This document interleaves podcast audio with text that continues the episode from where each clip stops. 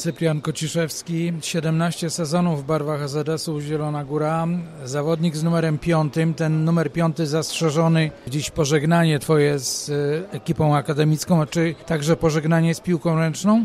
No 17 lat e, minęło, można powiedzieć, e, teraz tak patrząc jak jeden dzień, no wiadomo, że każdy dzień się jakoś tam dłuży, ale te, te 17 lat teraz no fajne wspomnienia, jak tak się przypomni wszystko, e, czy, czy kończę piłkę ręczną, nie. O tym będzie na pewno na dniach informacja. Hubert Kamiński, kapitan ekipy zielonogórskiej, mecz do zapomnienia. Zrobiliśmy bardzo dużo błędów własnych, no i nad tym musimy się skupić i pracować cały czas na treningach i przede wszystkim nad skutecznością, bo mimo, że tęcza dzisiaj postawiła naprawdę ścianę w obronie, czasami znajdowaliśmy tą drogę do bramki, lecz w większości przypadków było to albo w bramkarza, albo nad bramkę, także nad tym musimy się skupić. Krzysztof Meissner, Tęcza, Kościan. Wydawało się przed meczem, że to są drużyny o zbliżonych umiejętnościach, ale to wy obnażyliście zdecydowanie drużynę akademików. W tej lidze zawsze dyspozycja dnia decyduje, myślę, o zwycięstwie. No, przede wszystkim trenerzy nas e, dobrze przygotowali taktycznie.